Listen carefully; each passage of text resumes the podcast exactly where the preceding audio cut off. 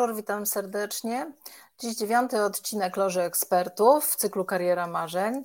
Moim gościem dziś będzie mentorka, coach, trenerka rozwoju osobistego, e, menedżerka z doświadczeniem, e, Joanna Tomala. Witam Cię serdecznie, Joanna. Bardzo e, mi miło, że przyjęłaś zaproszenie do naszego małego cyklu programu w którym staramy się rozmawiać e, o bardzo, bardzo szeroko pojętej tematyce kariery zawodowej, rozwoju osobistego. Więc staram się znajdować ekspertów, którzy, którzy w tej dziedzinie coś mają do powiedzenia i taką osobą dla mnie jesteś ty. Witam cię serdecznie. E, takim e, charakterystycznym też elementem tego mojego cyklu jest to, że pozwalam przedstawić się moim gościom samodzielnie, bo któż tak nie powie o nas dobrze jak my sami. Więc Joanna, scena jest twoja, prośba, powiedz o sobie kilka słów. Dziękuję w ogóle Agnieszko za zaproszenie, jest mi bardzo miło. No ja jestem rzeczywiście całe swoje dorosłe zawodowe życie spędziłam w biznesie, w międzynarodowych korporacjach y, i też y, przy, pracując y, przy transformacji cyfrowej. Mm, to były firmy świadczące, to są firmy, które świadczą usługi transformacji cyfrowej dla największych światowych marek. Jako, pracowałam jako liderka, jako dyrektor finansowa, prowadziłam innowacyjne projekty właśnie związane z transformacją biznesu, a z drugiej strony, i prowadzę też cały czas, a z drugiej strony bardzo lubię i cenię i chcę dzielić się wiedzą i doświadczeniem, więc no, tak jak powiedziałaś, jestem mentorką biznesu, jestem też coachem, jestem też trenerką. Pracuję z liderami nad zarządzaniem zmianą, rozwojem umiejętności, kompetencji przyszłości, przeciwdziałaniem wypaleniu, i takich umiejętności. To wszystko tematy, które bardzo, bardzo ostatnio są na topie i bardzo interesujące. Nawet ten ostatni, który powiedziałaś, wypalenie zawodowe, ale do tego wrócimy. Natomiast chciałabym zacząć od samego początku, to znaczy od pytania o coaching i mentoring. Czy Twoim zdaniem one zyskują w ostatnim czasie mm, w Polsce na popularności? Bo one się od naszego tutaj środowiska w Polsce nie wywodzą. Trochę to zaimportowaliśmy, ale e, jak jest, jaka jest Twoja obserwacja? Czy one zyskują na popularności, czy, czy się zaczynają już powoli spalać te programy? No, ja się bardzo cieszę, ponieważ w obie te metody bardzo wierzę bo sama byłam, moja przygoda z coachingiem się zaczęła od tego, że sama byłam coaching w okresie dużej zmiany i bardzo mi to pomogło. Również sama sięgam, pracuję w roli mentorki, ale też sięgam po mentoring jako mentee. Moim zdaniem, no nie, ja widzę, że one się popularyzują i, i dlatego też, że no, żyjemy w takich czasach trudnych, zmiennych, kryzysowych i ludzie szukają pomocy. A z drugiej strony powstaje szereg profesjonalnych organizacji, jak Fundacja Liderek Biznesu, w której obie pracujemy, jak IMCC Global, które, IMCC Poland, które jest tutaj bardzo aktywne, które e, po raz pierwszy zrobiło konkurs na program mentoringowy. Mhm które propaguje też kodeks y, mentoringowy i wysokie standardy. Więc to, co ty robisz też, Agnieszko, y, twoje live'y, ale też książka, więc ja, ja się bardzo cieszę, bo tak jak powiedziałam, to są fajne metody, ja w nie wierzę i też one się profesjonalizują. Ale wiesz, są, są takie, mm, takie poglądy, oczywiście zawsze są kontrowersyjne poglądy i z dwóch stron. To, e, to, to, to, tak jak i w polityce się polaryzujemy, tak się polaryzujemy w każdej dziedzinie. Mam wrażenie, że po prostu internet daje taką możliwość e, bardzo łatwego dostępu do udzielania swojego zdania, bardzo często też anonimowo. E, I też chodzą takie poglądy, że gdzie drzwi nie otworzysz, to coach przez ły i czy pisane e, e, wygląda. Natomiast ja uważam, że jednak to ważne mieć na swojej drodze rozwoju zawodowego takie pomocne ramię we własnym właśnie tym, tym rozwoju. I, I chciałam spytać o Twoje zdanie, ale trochę już zaczęłaś o tym mówić, że nawet my, będąc mentorami czy coachami, też potrzebujemy wsparcia. Dlaczego ty potrzebujesz wsparcia na przykład, kiedy już powinnaś wszystko wiedzieć, tak? O tym warsztacie, o tym, jak z tym pracować, z, z, z tym coach i menti, więc czemu nie możemy dla siebie być mentorem i coachem? Czemu potrzebujemy wsparcia?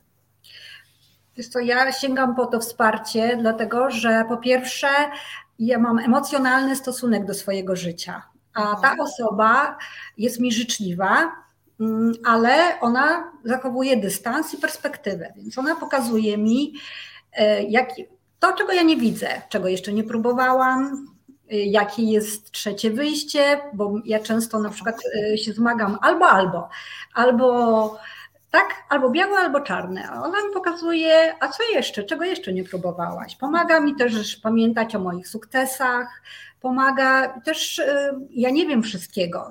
Sięgam po mentoring, na przykład jeśli chodzi o marketing, o takie dziedziny, których, których sama się nie czuję specjalistką.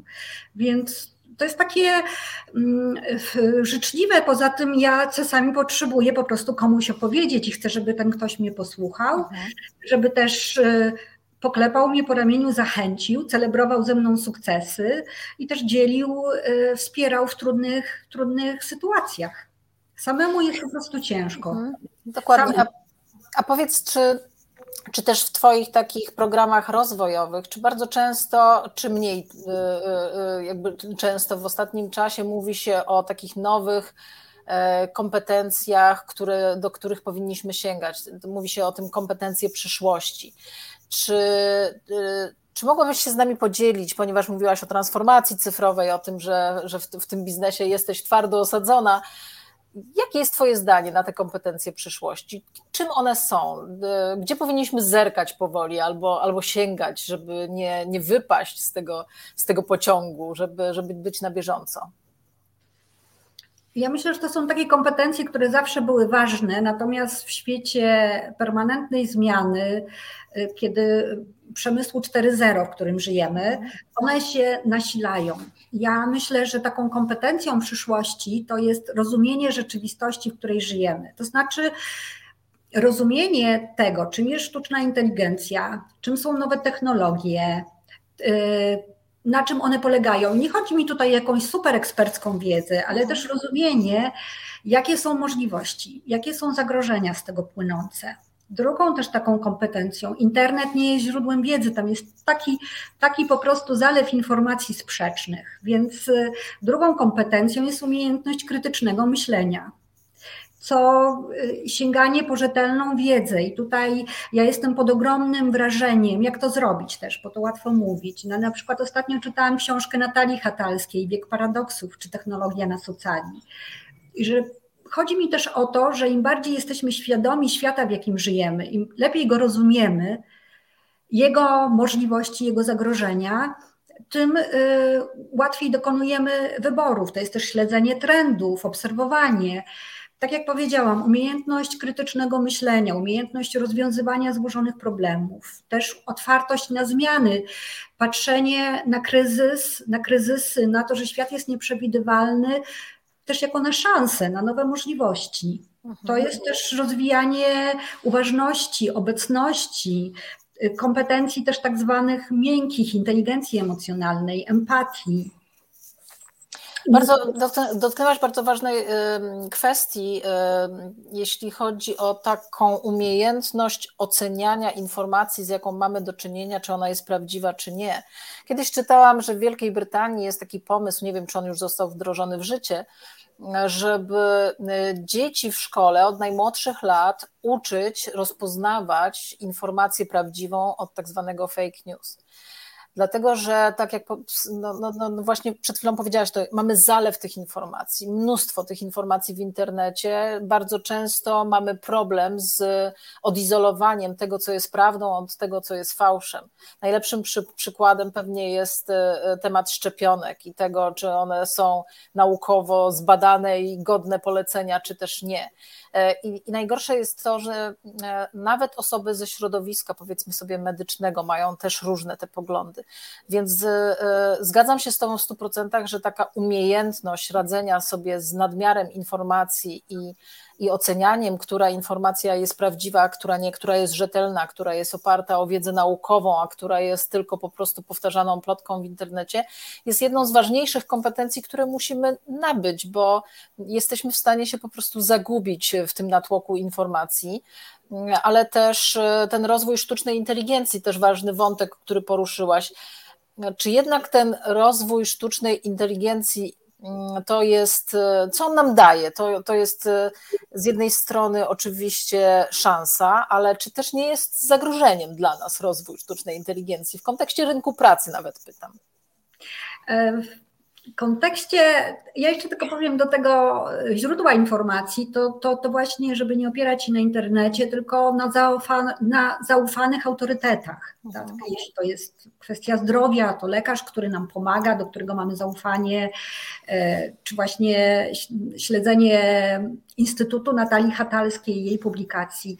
Sztuczna, jeśli wracając do sztucznej inteligencji, ona nam, ona generalnie, tak jak powiedziałam, warto wiedzieć, jak działa, warto rozumieć, o co chodzi. Sztuczna, sama sztuczna inteligencja bez innych technologii, czyli bez sieci mobilnej, bez internetu rzeczy, bez transformacji cyfrowej, tak naprawdę nie działa. Dopiero y, w połączeniu, kiedy spotykają się ze sobą te czynniki, to, to wiele rzeczy jest możliwych. I sztuczna inteligencja nam daje dostęp do ogromnej wiedzy do, przyspiesza rozwój wiedzy, a jeśli też no, automatyzuje nam pracę, powoduje, że, że świat staje się bardziej wygodny wygodny, ale też y, mamy czas na bardziej kreatywne, y, na kreatywne rzeczy. Czy zabierze nam pracę? Ona na pewno część pracy zautomatyzuje, jedne zawody bardziej, drugie mniej, ale specjaliści od sztucznej inteligencji, od nowych technologii z pełnym przekonaniem twierdzą, że wygeneruje dużo więcej nowych miejsc niż, y, niż zabierze. Także tutaj ważna jest po prostu też świadomość i otwartość na to, że czas, kiedy wyuczonego zawodu się skończył niepowtarzalnie. I według też Światowego Forum Gospodarczego właśnie około 2025 roku nastąpi takie duże przyspieszenie, jeśli chodzi o nowe technologie, rozwój biznesu, też będą powstawały nowe zawody. Więc 98% z nas będzie prawdopodobnie co najmniej jedną nową kompetencję musiało nabyć. Ja myślę, że czas pandemii y, spowodował, że przeszliśmy wszyscy tacy, tak, taki bardzo szybki kurs z digitalizacji. E, pewnie jeszcze dwa lata, trzy lata temu nie wyobrażaliśmy sobie, że większość spraw w urzędzie będzie można e, załatwić, czy firmy będą mogły całkowicie pracować zdalnie. I okazało się, że z tygodnia na tydzień wszystko stało się możliwe. E, I, I to był lepszy symptom do tego, żeby zdigitalizować pewne procesy, niż obietnice o transformacji cyfrowej, chociażby od strony takiej urzędów e, e, administracji publicznej, które gdzieś tam były w strategiach, ale było bardzo trudno po nie sięgnąć. Natomiast pytanie, tu też od naszej słuchaczki, oglądaczki, gdzie jest ta granica automatyzacji? Czy, czy, czy jesteśmy w stanie ją zaobserwować, czy nie zapędzimy się za daleko w, w tej automatyzacji, Anna?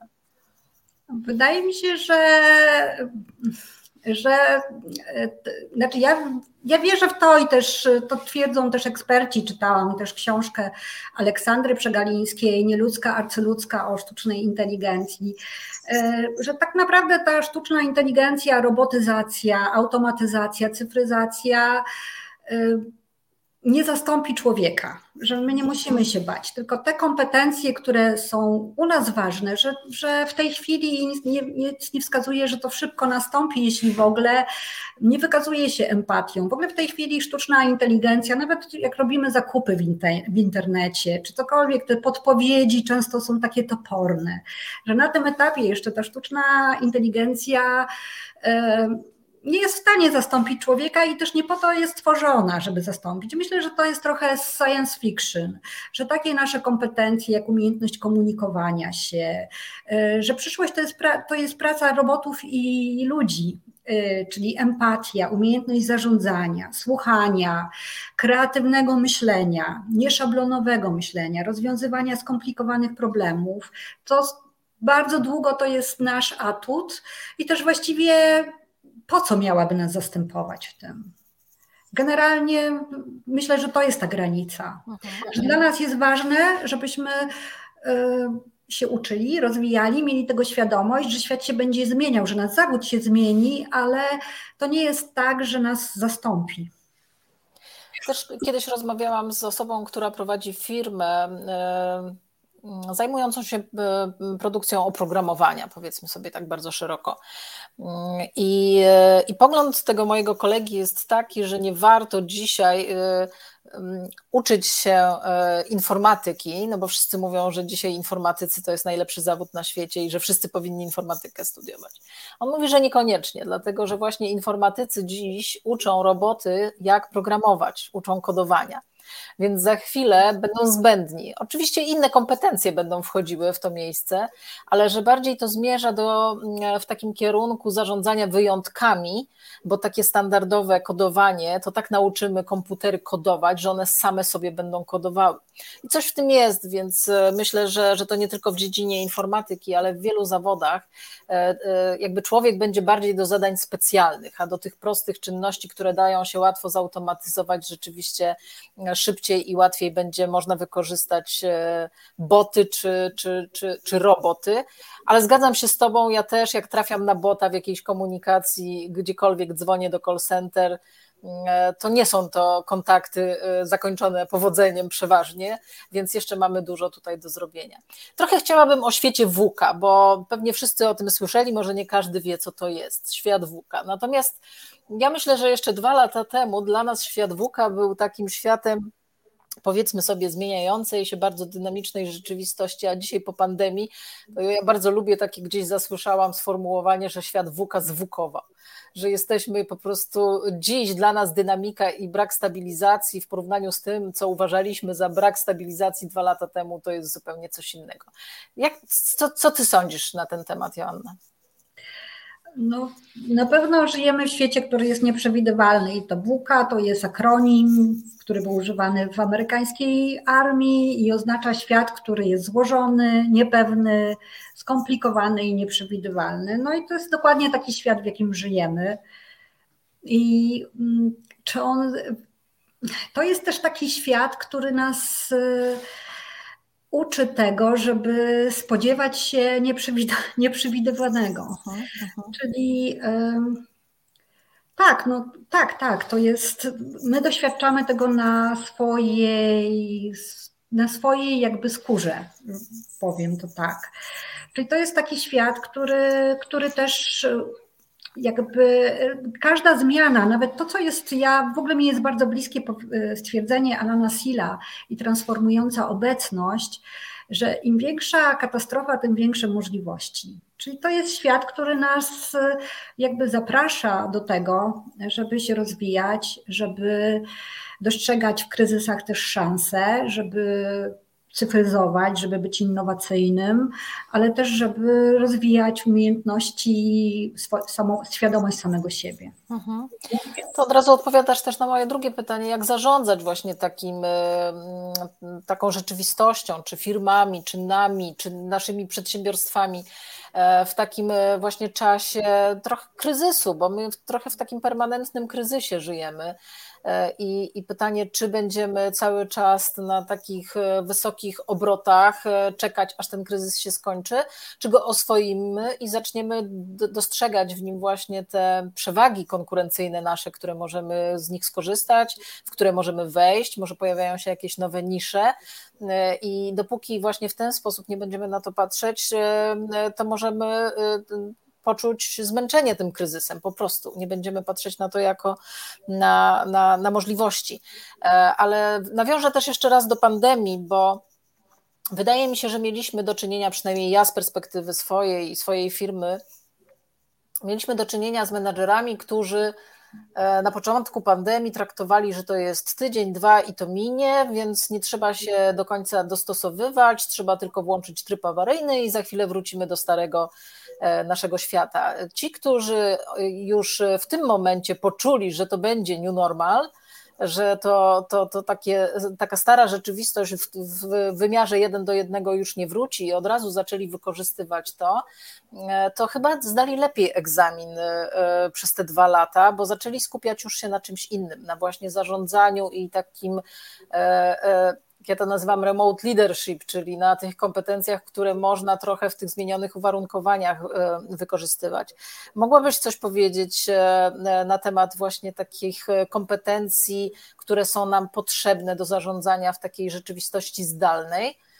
co najbardziej jest takim menadżerom potrzebne, żeby dobrze zarządzić swoim zespołem, z którym nie mają tego team spirit, bo po prostu bo ten zespół się, się rozczłonkował. Każdy jest gdzieś tam po drugiej stronie swojego komputera. Ja, ja myślę, że, że takie osoby jak ja, pracujące w międzynarodowych e, korporacjach, pracujące tutaj zdalnie, często z Polski, to tego doświadczały już dużo wcześniej, mhm. że pracowały z ludźmi, z którymi często nie, nie miały możliwości się spotkać na żywo. I to, czego ja sama doświadczyłam i co też staram się wprowadzać w życie, to jest zaufanie. E, też zaufanie do pracowników, do tego, że Mm, do tego też taka swoboda, że można pracować z każdego miejsca, że można pracować tak naprawdę z każdego miejsca i jeśli jest to możliwe, to o dowolnej porze. Y, praca zdalna jest pracą efektywną. Y, problemem jest to, że się nie ma na żywo kontaktu z zespołem, mhm, ale. Ja myślę, że bardzo ważna jest też w ogóle zmiana takiego modelu biznesowego, czyli w ogóle tak to, do czego wracamy, czyli cyfryzacja, dostarczenie dobrego łącza, dobrego sprzętu, umożliwienie też tego, żeby te spotkania były albo na żywo, albo hybrydowe, żeby mogły być łączone. Czyli tutaj. Yy, to jest też bardzo ważne. Wraca, jak, jak tylko pandemia na to pozwala, to też, żeby przynajmniej jeśli to jest zespół projektowy, raz w tygodniu, no to jest ten model hybrydowy, uh -huh, uh -huh. który teraz ja osobiście bardzo lubię, jeśli to jest zespół, to żeby przynajmniej jeden dzień w tygodniu cały zespół się spotykał w biurze, a y, tak, żeby miał możliwość y, integracji. To są spotkania integracyjne, to jest, y, no tak jak powiedziałam, też zarządzanie i też bycie takim dostępnym przez menadżera, otwartość na rozmowy, na kontakt, poznawanie swoich pracowników, ale też na rozmawianie o trudnych emocjach, jak na przykład osamotnienie, jak to, że e, lęk przed przyszłością, mhm. czyli taka, takie bycie w kontakcie. To, co kiedyś też spotkałam e, jako, jako opinię na, na pracę taką zdalną i zarządzanie zespołami, to, to opinia, że bardzo ważną kompetencją dzisiaj, taką cechą wręcz menadżera jest empatia.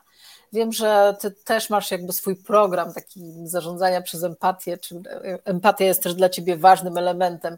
E, powiedz, dlaczego ona jest taka ważna? Empatia jest bardzo ważna, moim zdaniem, dlatego, że w ogóle czym jest empatia, może powiem, że empatia to jest, to jest też umiejętność, ciekawość na drugiego człowieka i zauważanie, że nie, ktoś ma inną perspektywę niż ja.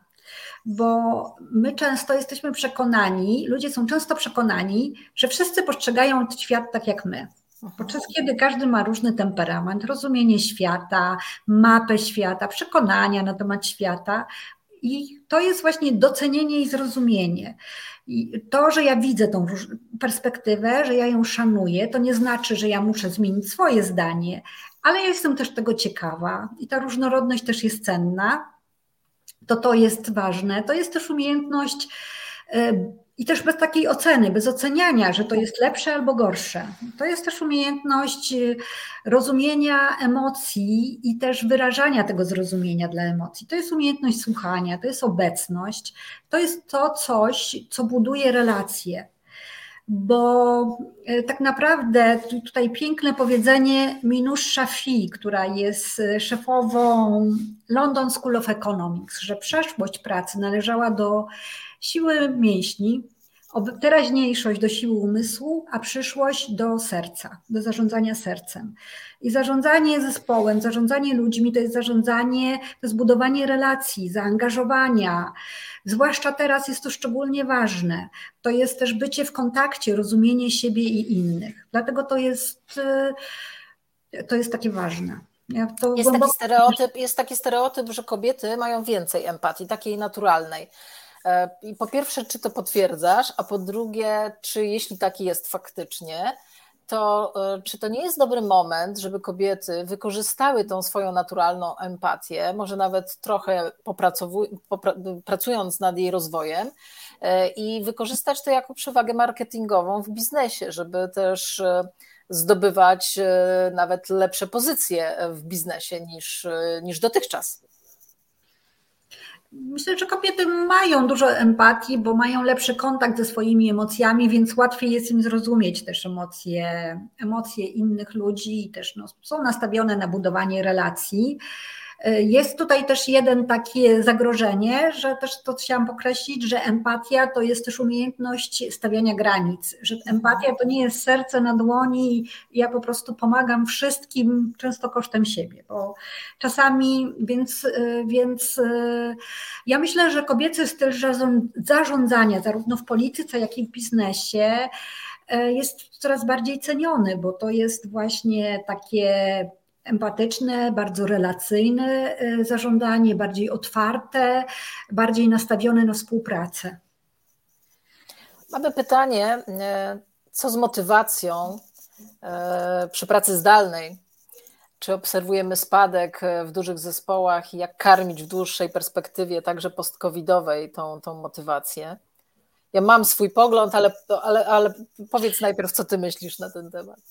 Ja myślę, że to dużo zależy od tego, jaka była przed pracą zdalną też atmosfera w tym zespole, na ile ten zespół jest y, zżyty ze sobą, na ile była zbudowana między y, atmosfera taka współpracy w tym zespole przedtem.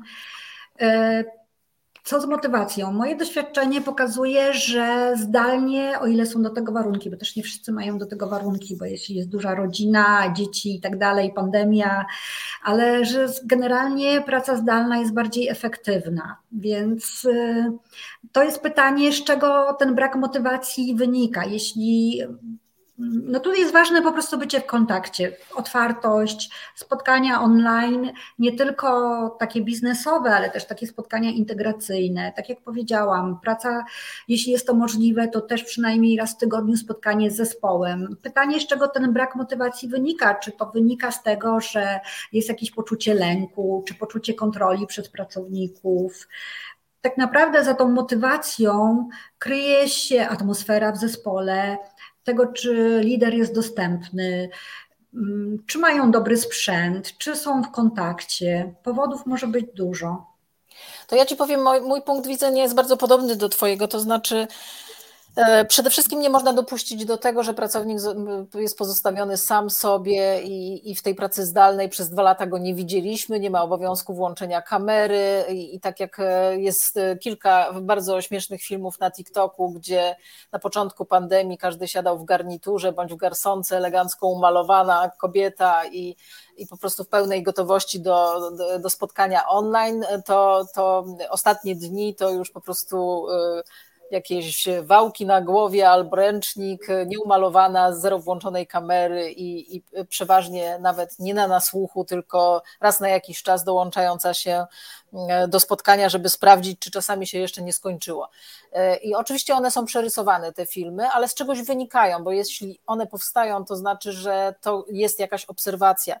Więc rolą, moim zdaniem oczywiście, rolą menadżera jest to, żeby nie utracić tej kontroli, nie utracić tego kontaktu, E, I pewnie jest wiele firm takich, które nie wymagają, żeby do spotkań włączać kamery, e, ale, ale jednak to bardzo dużo robi, bo jeżeli ty, ty musisz pokazać swoją twarz, musisz pokazać w jakiej jesteś kondycji, musisz pokazać też gdzie jesteś, ale nie dlatego, żeby cię sprawdzić, czy ty siedzisz na plaży i pracujesz, czy ty siedzisz w domu zaaranżowanym na biuro, tylko chodzi o to, żeby widzieć ciebie, ciebie, twoje zaangażowanie. I myślę, że to jest bardzo ważne. I jeżeli menadżer jasno to komunikuje pracownikowi, że nieważne gdzie, gdzie ty jesteś, tak, ważne jak pracujesz i czy jesteś e, obecny, nie tylko ciałem, ale, ale, ale duszą, to, to, to wtedy ten pracownik też nie ma takiego lęku, że się, że się gdzieś tam musi ukrywać i, i, i, nie włącza kamery, mówiąc, że ma na przykład, nie wiem, słabe łącze internetowe i bez wideo działa lepiej. Więc pewnie wszystko zależy jednak od, od tego, jak się tym zespołem zarządza, ale zgadzam się, że w wielu zespołach praca zdalna jest bardziej efektywna i to potwierdzają sami pracownicy. Tylko trzeba też zadbać o, o tą granicę, kiedy ta praca się kończy, żeby to nie było tak, że jak my pracujemy z domu, to oznacza, że pracujemy 24 na dobę, bo, bo jeszcze przed pójściem spać, a jeszcze może jakiś mail wpadł albo, albo coś jeszcze można zrobić. Więc to też jest apel do nas samych, żebyśmy my też sobie jasno ustalali te granice, gdzie, gdzie ta praca się zaczyna a gdzie ta praca się kończy. Jeszcze chciałabym Cię, Joanna, też e, podpytać o. Tak, Mam jeszcze jedną ważną rzecz, bo ja e, też e, ja akurat się z tym nie spotkałam, bo tak jak ja powiedziałam, myśmy zdalnie pracowali już dawno i ja pracowałam z ludźmi, których nie widziałam na oczy, ale też ważne jest to, żeby zadbać, że ważne decyzje dla pracowników, dotyczące pracowników, żeby były podejmowane jednak wspólnie, żeby ci, którzy pracują zdalnie, byli też na bieżąco informowani, żeby też y, model pracy hybrydowej był wypracowywany, biorąc pod uwagę zdanie pracowników, żeby y, wszystkie te zmiany, ważne decyzje były brały pod uwagę zdanie wszystkich pracowników, żeby to była wspólna sprawa.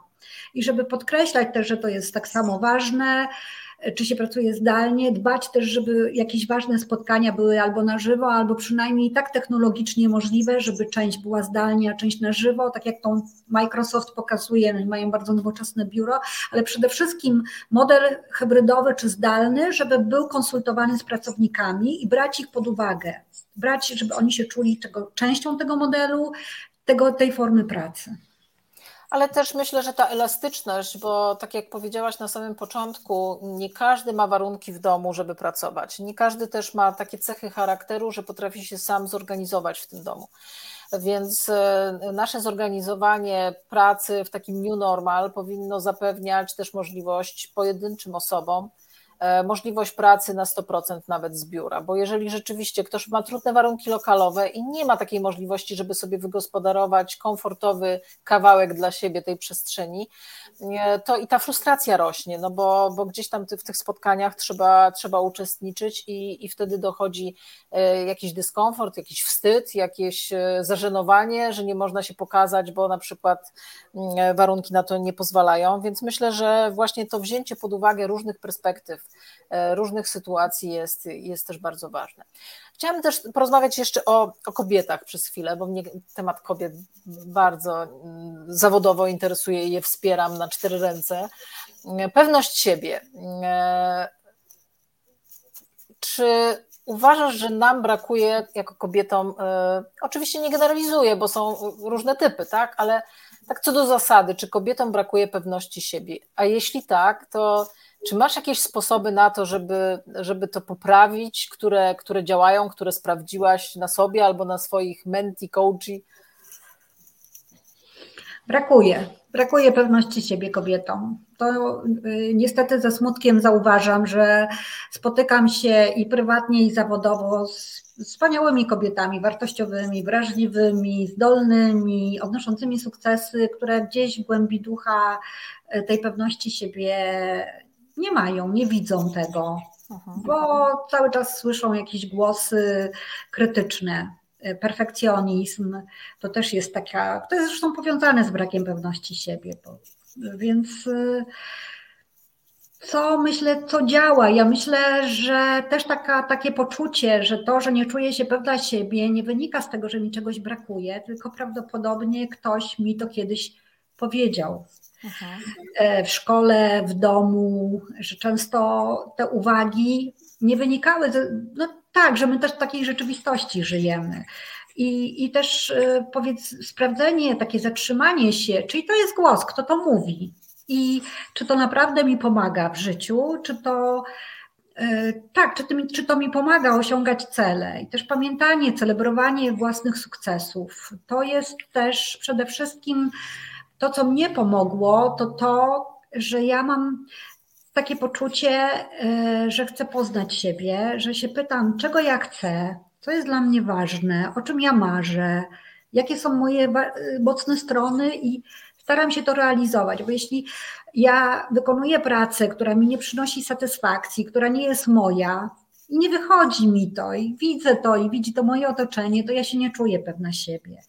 Jeśli ja się nie uczę, nie rozwijam, czekam aż życie mi się przydarzy, nie biorę odpowiedzialności za swoje życie, to zaczynam zależeć od kogoś innego. Nie wiem, od, od, od partnera, nie wiem, od tego, co niektórzy mówią, życie mi się trafia, tak? Albo niech spełniają się marzenia. Marzenia się spełnia. Spełniajmy swoje marzenia, czyli bądźmy autorkami swojego życia. Dzięki temu mamy poczucie wpływu i odpowiedzialności za swoje życie. Więc to jest, czy ja, czy to jest moje, czego ja chcę, czy jakie są moje wartości, czy ja na pewno je realizuję i krok po kroku też praca, y, rozwijanie siebie, też otaczanie się ludźmi, którzy nam dodają skrzydeł, którzy nas wzmacniają, którzy lubią siebie i lubią nas. Stawianie granic, bycie niezależną finansowo. Jeśli jesteś zależna finansowo, no to ktoś inny decyduje za ciebie, no to ty nie wiesz, tak, co ta osoba zadecyduje, a może zmieni zdanie, no to jak masz się dobrze czuć? Też, też, powiedziałaś, też powiedziałaś o bardzo istotnym elemencie. Przyznam szczerze, y, nigdy wcześniej o takim połączeniu nie pomyślałam, że perfekcjonizm to także brak pewności siebie. E, możesz rozwinąć trochę ten wątek, bo tu o perfekcjonizmie kiedyś rozmawialiśmy w grupie Kariera, Kariera Marzeń na Facebooku. Wiesz co, no ja jestem perfekcjonistką mm, świadomą i, i na odwyku, że tak powiem. Czasami nie dopada jeszcze. E, dopiszę też o tym pięknie Brené Brown, że tak naprawdę perfekcjonizm niewiele ma, i ja to potwierdzam, jak przy, się sobie, niewiele ma wspólnego z chęcią uczenia się czy rozwojem jako takim, tylko tak naprawdę my chcemy być dobrzy, ponieważ ja na przykład zawsze byłam pewna, że ja muszę wszystko wiedzieć, że muszę się wszystkiego nauczyć. I tak się tego wszystkiego uczyłam i czytałam i rozwijałam, że nie miałam czasu tego wcielać w życie. Ale tak naprawdę uświadomiłam sobie, o czym też yy, pisze właśnie pięknie Brené Brown, że to jest tak naprawdę lęk przed krytyką, lęk przed porażką, przed odrzuceniem, przed poczuciem wstydu. Więc no to jakby. Mm, danie, tak, to rezonuje, to nie jest dobre. To nie jest to samo, co chęć po prostu taka naturalna realizacji marzeń i rozwoju. Wiesz co, chciałabym teraz porozmawiać chwilę o takich najtrudniejszych momentach w karierze zawodowej. E, jakbyś mogła powiedzieć z Twojej perspektywy, jako mentora, jako mm, coacha, ale też e, osoby aktywnej zawodowo. Czy, czy jest jakiś moment w naszej karierze, na który szczególnie powinniśmy się przygotować i zabezpieczyć? Czy to zależy od osoby i każdy ma w innym momencie? Nie, trochę zależy od osoby. Są, jest coś takiego jak kryzys rozwojowy. Są kryzysy rozwojowe. To są takie kryzysy, kiedy kończymy studia i decydujemy, tak, zaczynamy swoją karierę. To jest jakiś kryzys, bo kończymy studia, więc musimy podjąć, zacząć brać odpowiedzialność za swoje życie. Jest też kryzys środka kariery, y, kiedy no, osiągamy wiek średni, i zaczynamy, już mamy takie poczucie, że część życia za nami, że już yy, może trochę szkoda czasu, więc zaczynamy się zastanawiać, czy to, co robimy, to jest dobre dla nas, czy to, co chcieliśmy robić, czy czegoś nam brakuje. Jak czegoś nam brakuje i to jest kryzys, to warto się wtedy przyjrzeć, czego brakuje, czy ja jestem na właściwej drodze. Są też takie kryzysy, no jak te pandemiczne, jak utrata pracy, jak zmiana, jak łączenie, dzielenie się firm, utrata też przywilejów. Ale każdy kryzys y, też ważne, jak na to patrzymy. Czy widzimy w tym też szansę, y, z jednej strony po prostu mamy prawo do trudnych emocji, się do zatrzymania się, a z drugiej strony też czy widzimy, że to jest też jakaś okazja, że coś się kończy, ale coś się zaczyna też dla nas, jak patrzymy na ten kryzys. Wiesz co, ja tak pytam z perspektywy też własnej kariery zawodowej, bo nie ukrywam, że było coś takiego jak zakręt w mojej karierze zawodowej. E, i ja nauczona doświadczeniem wiem, że powinno się zawsze mieć plan B, a może nawet C i D, na wypadek czarnego łabędzia, który nam sfrunie i usiądzie na, centralnie nam na, na środku głowy bo szczerze mówiąc, e, to też trochę związane ze strefą komfortu. Jeżeli za długo jesteśmy w jednym miejscu, jest nam wygodnie, czujemy się bezpiecznie, czujemy się mm, e, dobrze, to nie mamy takiej wewnętrznej potrzeby dokonania zmiany. Bo tak, bo, bo to ten moment i po prostu trzeba zrobić rewolucję i zmienić. No, no nie mamy czegoś takiego w sobie, żeby zepsuć to, co nam idzie dobrze. I jak za długo siedzimy w tym dobrze, to ktoś nam to, to dobrze może któregoś dnia po prostu e, zepsuć. E, I ja się spotkałam z e, takim kryzysem, no Silversa po prostu. No może nie widać tych moich siwych włosów, ale Silversa, bo rynek pracy bardzo dyskryminuje osoby już w tej chwili chyba nawet 40, plus, mam nadzieję, że nie młodsze E, i jest niezwykle trudno, gdy już masz bogate doświadczenie zawodowe, nie daj Boże jeszcze na wysokim stanowisku i masz e, tam te 40 plus, e, to trochę rynek pracy dyskryminuje. I nie dalej jak chyba wczoraj albo dwa dni temu, mm, nawet była dyskusja na ten temat w faktach po faktach E, w TVN-ie, gdzie wszyscy o tym wiedzą. Wszyscy o tym wiedzą, że osoby doświadczone, nawet 50-letnie e, czy 50 plus, e, to jest wielki aset dla, dla firmy, bo to jest lojalność, to jest doświadczenie, to jest wielkie zaangażowanie, no bo dzieci już odchowane, tak, już, już chcemy po prostu porządnie sobie popracować, a i wszyscy o tym wiedzą. Rekruterzy o tym wiedzą, pracodawcy o tym wiedzą, kandydaci o tym wiedzą, ale nic się nie zmienia. To znaczy, nadal jest ta dyskryminacja.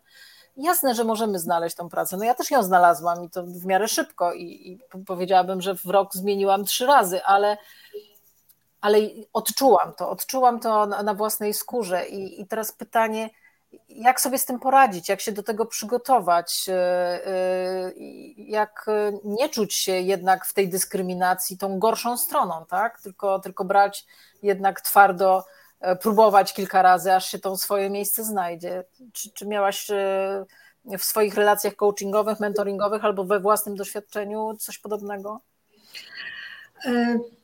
Wiesz co, ja myślę, że, że przede wszystkim warto się rozwijać, uczyć nowych rzeczy. Nowych, tylko nie wychodzić z takiej pozycji, że ja jestem ekspertem i mi się należy, tylko po prostu rozwijać. Y, y, tak, no rozwijać się, nabywać nowe kompetencje. Ja jednak tę pracę znalazłaś. Ja też, y, ja też znajduję, bo mam do zaoferowania jednak rynkowi wartości, no też dojrzałość, doświadczenie.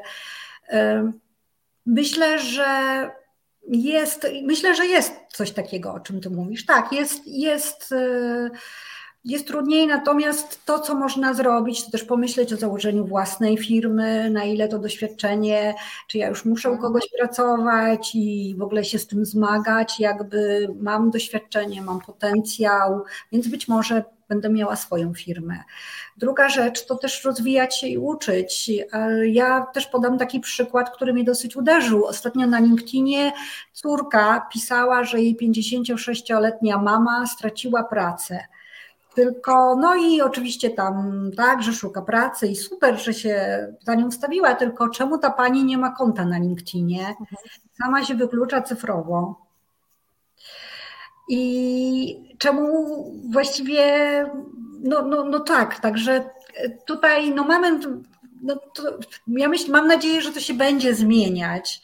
Nasze życie się w ogóle będzie wydłużać według e, tego, co twierdzą w ogóle. E, znaczy, no też e, specjaliści od sztucznej inteligencji i od genetyki, więc no myślę, że tutaj po prostu też uczyć się z, i też e, przełamywać, pokazywać swoją postawą. Właśnie to od nas też zależy, jaką my postawę wobec tego znajdziemy. Czy proaktywną, czy no właśnie mamy to konto na LinkedInie, czy jesteśmy otwarci na naukę, bo to, czego się boją pracodawcy, to roszczeniowej postawy, albo właśnie tego, że sobie nie poradzimy z tymi nowymi technologiami. No więc no tutaj pokazywać. Tak, ale zgadzam się z Tobą, że ta postawa jest bardzo istotna, bo e, najgorsze, co możemy zrobić, to pójść nawet na, na taką rozmowę o pracę e, i, i przyjąć taką postawę: Ja to wszystko wiem, ja to no. wszystko przeżyłam, przeżyłem, e, nikt ode mnie lepiej tego nie zrobi, bo przecież ja to już 10 razy, prawda?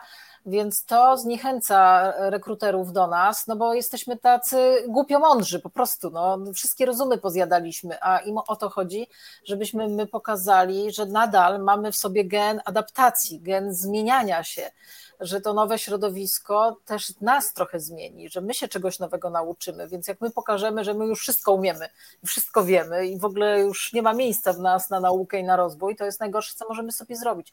A wiele osób tak na początku wieku, kiedy traci pracę i zaczyna szukać nowej, w tym takim wieku powiedzmy sobie 40, plus, właśnie ten błąd popełnia, że, że idzie na taką rozmowę. Bardzo często po drugiej stronie jest e, e, rekruterka czy rekruter 20, plus, no i sobie tak siedzi, wiesz, z nogą na, nogą, na nogę i mówi, co ty dziewczynko, czy tam chłopczyku możesz wiedzieć o biznesie, ja tu zęby zjadłem, czy zjadłam i, i, i wszystko wiem, więc jestem najlepszą kandydatką. I niestety to nie działa, tak, niestety to nie działa, tak. więc to zupełnie inaczej trzeba do tego do tego podchodzić, e, ale też ważne to, co powiedziałaś, uczyć się nowych kompetencji. E, ja chociażby bawiąc się hobbystycznie w tą karierę marzeń i, i w te live'y i, i wprowadzenie grupy na Facebooku, e, ja muszę się uczyć nowych kompetencji, tak? Jak, jak zrobić ten live, jak, jak zrobić grafikę, jak działać w social mediach, jak robić zasięgi, no bo to jest wszystko ważne, no bo też nie robię tego tylko dla siebie, no chcę z tym gdzieś docierać. I na początku próbowałam podpytywać moje 20-30-letnie dzieci, no bo mówię przecież specjaliści w tej dziedzinie to na pewno dwudziestolatkowie. Nie okazuje się, że dzisiaj ja ich mogę uczyć, jak to się robi, bo, bo ja musiałam tego wszystkiego po prostu gdzieś doczytać, gdzieś znaleźć i, i to pokazuje, że można. Ile byśmy tych lat nie mieli, jesteśmy w stanie się nowych rzeczy uczyć i warto. Naprawdę myślę, że taki E, e, całe życie powinniśmy się po prostu uczyć, tak? I chłonąć tak. tę kompetencję. Tak, myślę, że tak, jak najbardziej. I, i, e, no i naszą mocną stroną jest to, że jeśli uczymy się i rozwijamy, jesteśmy otwarci, to też mamy tę dojrzałość i doświadczenie. To też jest atutem. Też takie, mm, no też myślę, że no, że tutaj, że, że w Polsce, no tak, tak, myślę, że tak. Nie chcę tutaj przegadywać tego tematu, ale myślę, że to tak, tak jest. Mam pytanie takie do, do, Ciebie bardzo osobiste, bo powiedziałaś, może trzeba założyć własną firmę, więc y, ponieważ pracujesz, pracowałaś w korpo i też prowadzisz swoją praktykę coachingową, mentoringową, powiedz, który rodzaj aktywności zawodowej jest dla Ciebie e, jakby bliższy, bardziej atrakcyjny, a może każda ma swoje plusy, barwy, minusy i, i gdybyś miała wybierać, że tylko ta ścieżka, to na pewno byś tego nie zrobiła, bo i jedna i druga Ci coś daje? Jedna i druga mi coś daje. Ja powiem szczerze, że próbowałam też tylko taką coachingową, mentoringową praktykę prowadzić, ale brakowało mi tego rozmachu. Ja lubię biznes. Tego dużych projektów brakowało mi. Znaczy, ja w ogóle lubię pracować z ludźmi, ale też lubię. Mm, Adrenalinę. Lubię, chyba tak, no, uzależniłam się może, ale lubię, tak, lubię jak dużo się dzieje. Ja to tak. A powiedz mi, e, z jakimi problemami najczęściej na, e, przychodzą do ciebie właśnie problemami albo, albo tematami rozwojowymi? Tak, tak, z jakimiś, nie wiem, wątpliwościami. Z czym najczęściej przychodzi menti coaching do, do ciebie? Jest to no, właśnie z tą pewnością siebie często. Mm, to często jest tak, że przychodzi z tym, że mówi, że chce zmienić pracę, ale jak zaczynamy o tym rozmawiać, albo, albo zdobyć awans, to okazuje się, że nie czuje się na tyle pewnie, żeby poprosić o, o ten awans, żeby o tym otwarcie mówić z, z właśnie z takim, e, no, z, z, perfekcjonizmem. Z, te osoby, które na przykład zaczynają biznes, to boją się e, strasznie krytyki. Wydaje mi się, że muszą wszystko umieć, że muszą się tak przygotować na 100%, żeby cokolwiek zrobić, bo, bo świat je odrzuci. Więc to na pewno perfekcjonizm z takim też e, poczuciem zdobycia też czasu dla siebie, z tego, że jestem ważna dla siebie, że jestem ważny. To chyba to są, to są takie z umiejętnością właśnie e, komunikowania potrzeb, bycia asertywnym, asertywną. E, I często jest też takie przekonanie, że, że nie, nie warto mówić, nie wypada mówić o własnych sukcesach, nawet jak są zasłużone. A wiesz co, z, z takiej mojej obserwacji z, z, z, tych procesów mentoringowych i coachingowych, które ja prowadzę w ostatnim czasie z niepokojem niestety obserwuję i chciałam z, z Tobą skonfrontować, czy też masz taką obserwację. Coraz więcej osób, e, nawet kiedy zaczynałyśmy, nie wiem, kilka miesięcy wcześniej, mm, e, zupełnie z inną tematyką te programy mentoringowe i coachingowe, to gdzieś w którymś momencie w ostatnich miesiącach najczęściej pojawia się wypalenie zawodowe i takie stany wręcz depresyjne. I ja zaczęłam się mocno nad tym zastanawiać, dlaczego to jest tak częste i tak często spotykane ostatnio e, i, i tak powszechne. I doszłam do wniosku, i, i chciałabym to trochę odbić myśli z Tobą, że trochę jednak te, ta pandemia, to wyizolowanie, ale też ta niepewność taka i geopolityczna, i finansowa, ten natłok takich e, dotykających nas ze wszech stron ważnych wątków, E, mniej odporne osoby po prostu no, przelewa im się, tak? I w pewnym momencie zupełnie zmienia się ich cel e, tego programu mentoringowego z rozwojowego na e, utrzymanie się na powierzchni, po prostu. Na przetrwanie takie. Na przetrwanie, tak, taki tryb przetrwania. I, I nawet jedna z moich menti ostatnio powiedziała: No, nie odzywałam się do ciebie przez dwie, dwa miesiące, bo ja teraz w ogóle nie myślę o rozwoju, myślę o tym, jak przetrwać, więc e, e, jakby zmieniłyśmy tematykę tych naszych spotkań. E, ale czy ty też masz taką obserwację, że jest taka fala, taka pandemia teraz jednak tych takich stanów wypalenia zawodowego, czy, czy, bo to nawet nie jest takie wypalenie zawodowe, z jakim mieliśmy wiele lat doświadczenia wcześniej. To jest taki trochę inny rodzaj tego wypalenia zawodowego. No na pewno, na pewno te wszystkie lockdowny, zmiany, to wszystko, to wszystko nasiliło, potwierdzam. Ja to, co sobie też, jak sobie pomagam, bo powiem szczerze, że ten ostatni zeszłoroczny lockdown dał mi mocno w kość. I też to był trudny rok, zeszły rok, więc dla mnie po prostu z mhm. różnych względów to, to i to, co mówię moim mentee czy coachi, na co masz poczucie wpływu, zajmij się tym, na co masz wpływ. Masz wpływ na to, na swoje zdrowie, masz wpływ na swoją karierę, ale też sięgaj po pomoc. Mhm. Nie osamotniaj się. Jeśli jest ciężko, jeśli um, też e, to, to, to, to, co mi pomaga, to też takie bycie tu i teraz i bycie, akceptowanie trudnych i dobrych emocji. Ja byłam na takim warsztacie z, z Wojciechem Eichelbergerem i on nam mówił albo ekspresja, albo depresja, czyli takie bycie w kontakcie ze sobą. Mhm.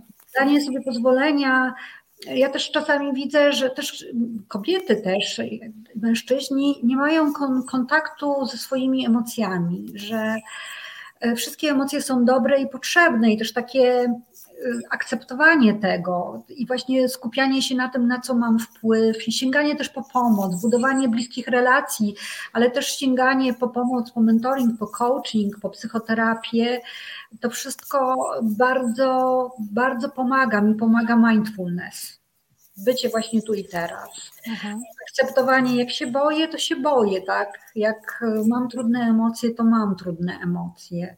Rozmawianie o tym, wsparcie bliskich, a jak po prostu potrzebuję, to, to, to sięgam. To tak, tak w skrócie każda sytuacja jest inna. A czy to, też nie jest, e, czy to też nie jest tak, że jednak e, bardzo w takiej przestrzeni, w której my się znajdujemy, bo jeżeli nas coś interesuje, to czy na LinkedInie, czy na Facebooku, no obserwujemy jakieś strony, które nas interesują, więc tam oczywiście są publikowane te rzeczy, które nas interesują. I jeżeli dotychczas na przykład interesował nas rozwój osobisty i mamy tego strasznie dużo i zalewa nas ta informacja, rozwijaj się, stawiaj sobie cele, tam czytaj książki, rób coś tam jeszcze, to czy też za mocno nie bierzemy tego do siebie, czy za dużo od siebie nie wymagamy, czy w pewnym momencie nie jest warto powiedzieć sobie, ok, robię sobie przerwę od tego rozwoju, teraz jest tu i teraz, właśnie to, co powiedziałaś, cieszę się tym, co mam, cieszę się życiem, daję czas sobie, jakby moim zdaniem nie ma sensu wywierania na, na, na, sobie samemu tak silnej presji, bo jeżeli masz poczucie, że chcesz się rozwijać, to się rozwijaj, ale jeżeli masz poczucie, że roz, ten, ten rozwój, ten pęd za tym rozwojem, on cię dogina po prostu i, i, i wprawia w depresję, to kurczę, odpuść sobie po prostu i daj sobie wakacje od rozwoju osobistego. I, I, myślę, że to też trochę to jest, że, że, że, też nie selekcjonujemy właśnie tej informacji, która do nas dociera. Może czasami trzeba sobie zrobić wolne od social mediów, wolne od internetu, jeżeli oczywiście mamy taką możliwość, bo nie zawsze mamy. E, więc myślę, że to też e, taka presja wywierana przez nas samych na nas e, osobiście też nam pomaga w tej depresji. To jest taki perfekcjonizm właśnie, też trochę. ja myślę, że warto sobie też zadawać takie pytanie, czego ja chcę, czego ja chcę, czego ja potrzebuję o czym ja marzę. Ja ostatnio widziałam takie zdanie, co powoduje, że twoje serce śpiewa, na co moje, co moje ciało, słuchać ciała, serca i głowy. I też y, jakby tak, no i też dawać sobie prawo do odpuszczenia. Ja mam z tym problem, bo bardzo mam silne poczucie kontroli, ale staram się i, i działa. Mhm. To na koniec, słuchaj, bo zbliżamy się do końca naszego czasu antenowego. Na koniec takie pytanie, trochę wiążące się z tym, o czym teraz rozmawiamy. Co poradzić nam, kobietom szczególnie oczywiście, ale, ale też może mężczyznom, jak zadbać o przede wszystkim ten swój dobrostan w najbliższej przyszłości, jeszcze e, nieodpuszczającej pandemii, e, ale w tym zmieniającym też się świecie? Jak powiedz zadbać e, w Twojej definicji o ten e, dobrostan? Co mogłabyś nam poradzić? Ja myślę, że, że, że to tak jak być, być w kontakcie ze swoimi potrzebami, być w, w kontakcie ze swoimi emocjami, ze swoimi marzeniami, e, uwolnić się od takiego obowiązku pomagania na siłę światu i sobie, który czasami, y, y, światu przede wszystkim, czyli być, patrzeć, co mi służy, właśnie jakie aktywności sprawiają mi przyjemność, dawać sobie prawo do odpoczynku, do błędu, też to takie współczucie wobec siebie, traktować siebie jak takiego dobrego przyjaciela z ciekawością, bez pomysłu bez pomysłów na siebie, tylko takie z taką ciekawością, kim ja naprawdę jestem, czego potrzebuję, co powoduje, co sprawia mi radość, co powoduje, że moje ciało i serce ożywa, a co mnie męczy i stresuje, czyli takie bycie w kontakcie, co jest moje, bycie w kontakcie ze swoimi potrzebami, emocjami. Super. Ale też otaczanie się fajnymi ludźmi i sięganie po pomoc, nie osamotnianie się. Dlatego sięgam po fajnych ludzi, takich jak ty, Anna. Dla mnie to była naprawdę bardzo inspirująca rozmowa z Tobą. Sama sobie to jeszcze raz odsłucham, żeby sobie zrobić różne notatki, bo kilka ciekawych takich e, sentencji, ale też i, i pomysłów tutaj wrzuciłaś, które, e, które na pewno sobie zostawię, z którymi wyjdę z tej rozmowy. Ja osobiście mam nadzieję, że ci, którzy nas oglądali i słuchali również. E, więc e, jeszcze raz bardzo, bardzo serdecznie Ci dziękuję za poświęcenie wieczoru e, nam tutaj, podzielenie się swoim doświadczeniem, swoją perspektywą. No i cóż, dziękuję wszystkim, którzy z nami byli, a jeśli nie byliście, to zawsze możecie sobie to obejrzeć jeszcze w retransmisji albo posłuchać w podcastach, w komentarzach wszystko będzie. Ja bardzo dziękuję za zaproszenie, to była przyjemność. Ja też dzielę się doświadczeniem, które sama jakby przetestowałam, co się sprawdza w tej podróży zwanej życiem.